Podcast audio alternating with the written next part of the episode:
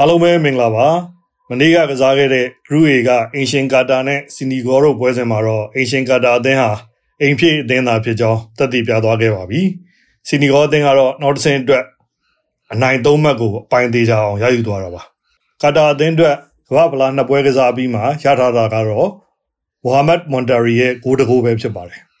Group A ရဲ့နောက်ထပ်ပွဲစဉ်တစ်ပွဲဖြစ်တဲ့နယ်သာလန်အသင်းနဲ့အကွေဒေါအသင်းတို့ကတော့အဖွင့်ပွဲကိုစီနိုင်ထားကြတဲ့အသင်းတွေဖြစ်လို့ အမားဆောက်ပြီးတော့ကစားခဲ့ကြတာပါ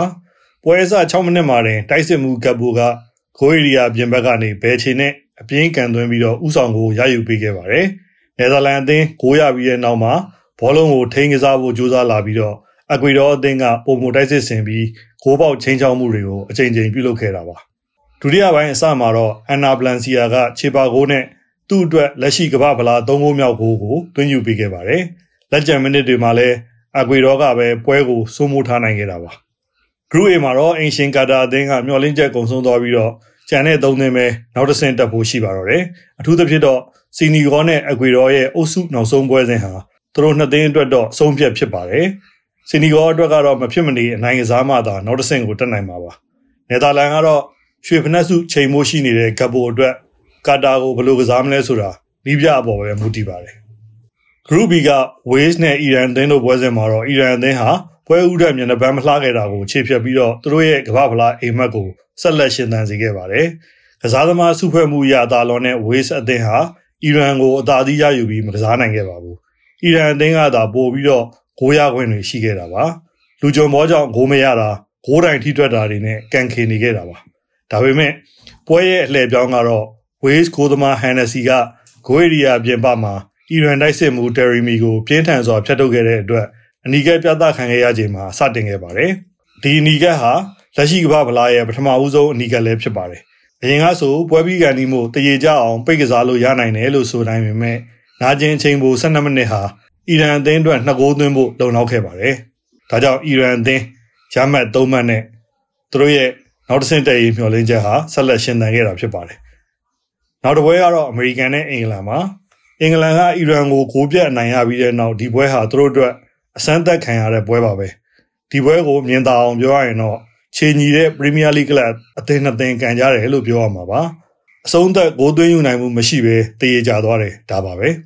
အင်္ဂလန်ဟာပြည်သက်မျှော်လင့်ထားသလောက်မဟုတ်သေးပါဘူး Group B မှာတော့ Wales အသင်းကမျှော်လင့်ချက်ကုန်ဆုံးသလောက်ရှိသွားပါပြီအုပ်စုနောက်ဆုံးပွဲမှာစိတ်ဝင်စားဖို့ကောင်းတဲ့ပွဲကတော့ American နဲ့ Iran ပွဲပဲဖြစ်ပါတယ် 1998ကမ္ဘာဖလားမှာလည်းဒီနှစ်သင်းတွဲဆုံခဲ့ဘူးပြီးတော့အီရန်ကငကိုးတကိုးနဲ့နိုင်ခဲ့ပါတယ်ဒီဒီချိန်မှာတော့ဘသူကနိုင်ပြီးနောက်တစ်ဆင့်ကိုဆက်တက်မလဲစိတ်ဝင်စားပွဲစောင့်ကြည့်ရမှာပါကဲဒီနေ့မှာတော့ Group C နဲ့ဒီကအုပ်စုဒုတိယပွဲစဉ်တွေရှင်ပြိုင်ကစားမှာပါ Group C ကပိုလန်နဲ့ Saudi Arabia အသင်းတို့ပွဲစဉ်ကတော့ Saudi အသင်းနေနဲ့ကန်ကောင်းလို့အာဂျင်တီးနားကိုနိုင်တာမဟုတ်ဘူးလို့သက်သေပြရမယ်ပွဲဖြစ်ပါတယ်ပိုလန်အသင်းနေနဲ့ကတော့နောက်ဆုံးပွဲစဉ်ဟာအာဂျင်တီးနားနဲ့ဖြစ်ပြီးတော့ အာဂျင်တီးနားကလည်းပွဲဥထွက်ရှုံးထားတဲ့အတွက်ဒီပွဲဟာသူတို့အတွက်အရေးကြီးပါတယ်။အာဂျင်တီးနားနဲ့ပွဲမှာဆော်ဒီကစားသွားတဲ့ကစားကွက်တွေကအားနည်းချက်တွေကိုအသုံးချနိုင်ဖို့တော့လိုပါတယ်။ဒီပိုလန်နဲ့ဆော်ဒီပွဲကတော့တည်ရကြဖို့များတဲ့ပွဲစဉ်ပါ။နောက်တစ်ပွဲဖြစ်တဲ့အာဂျင်တီးနားနဲ့မက္ကဆီကိုတို့ရဲ့ပွဲစဉ်ကတော့ပြည်သက်ပိုစိတ်ဝင်စားမယ့်ပွဲပါ။ရေဒိန်တွေကနေပြီးတော့ပြန်တက်နိုင်ဖို့အတွက်မက္ကဆီနဲ့အာဂျင်တီးနားတို့အတွက်အရေးကြီးပါပြီ။ အစဉ်လာရဆိုရင်တော့မက္ကဆီကိုကိုအေးအေးဆေးဆေးနိုင်ပါတယ်လို့ပြောလို့ရပါတယ်။ဒါပေမဲ့လည်းပထမပွဲစဉ်ကအရှုံးနဲ့အတူအာဂျင်တီးနားဟာဖိအားမျိုးစုံရှိနေတာပါ။အာဂျင်တီးနားဟာဖိအားဒဏ်တွေတိတ်ခံနိုင်လေတော့မရှိပါဘူး။ဒီပွဲမှာပြက်ပြက်သားသားပေါက်ပွဲမပြနိုင်ရင်တော့သူတို့အတွက်ပိုခက်ခဲသွားနိုင်ပါတယ်။အာဂျင်တီးနားဒီပွဲအနိုင်ပါ။ဂရုဒီမှာတော့တူနီးရှားနဲ့ဩစတြေးလျတို့ဒီနေ့ကစားဖို့ရှိပါတယ်။တူနီးရှားအနေနဲ့က အုပ်စုနောက်ဆုံးပွဲစဉ်မှာပြင်သစ်နဲ့တွေ့ဖို့ရှိတဲ့အတွက်ဒီပွဲစဉ်ကအရေးကြီးသလိုပထမပွဲရှုံးပွဲကြုံထားတဲ့ဩစတြေးလျအတွက်လည်းဒီပွဲနိုင်မှာနောက်ဆင့်တက်ရေးအိမ်မက်ဆက်ရှင်တန်နိုင်မှာပါအထူးသဖြင့်နှစ်သင်းလုံးဟာတိုက်စစ်ဖွင့်ကစားဖို့လိုအပ်တာဖြစ်ပါတယ်နှစ်သင်းလုံးအနေနဲ့ပထမပွဲစဉ်မှာပြိုင်ဘက်တွေကိုဂိုးပေါက်ချင်းချောင်းမှုတစ်ချိန်စီပဲရှိခဲ့တာပါဒီပွဲကလည်းတည်ရကြဖို့များတဲ့ပွဲပါပဲနောက်ထပ်တစ်ပွဲကတော့ဒိမန်နဲ့ပြင်သစ်ပါတူနီးရှားကိုအနိုင်မယူနိုင်ခဲ့တဲ့ဒိမန်အတွက်ကတော့ပြင်သစ်စီကအများဆုံးလုံနိုင်တာ တရေတမတ်အတွက်ပါပဲပထမပွဲစဉ်မှာကစားပုံကောင်းမွန်ခဲ့ပေမဲ့လည်းဒိမတ်တို့ဂိုးသွင်းအဆုံးသက်တွေအားနည်းခဲ့တာပါပြင်သစ်အသင်းကတော့လက်ရှိခြေစမ်းအတိုင်းသာကစားနိုင်မယ်ဆိုရင်ဒီပွဲဟာအနိုင်သုံးမဲ့သေးကြပါတယ်ပထမပွဲလောက်တော့ဂိုးမပြတ်နိုင်ပါဘူးမနေ့ကအုပ်စုဒုတိယပွဲစဉ်တွေပြီးမှာတော့ Group A ကအင်ရှင်ကာတာအုပ်စုအဆင့်ကနေထွက်ရဖို့ကျင်းတည်သွားပြီးတော့ဂျန်နဲ့နယ်သာလန်အကွေရောစီနီဂေါတို့ကမျှော်လင့်ချက်ကိုစီရှိနေသေးပါ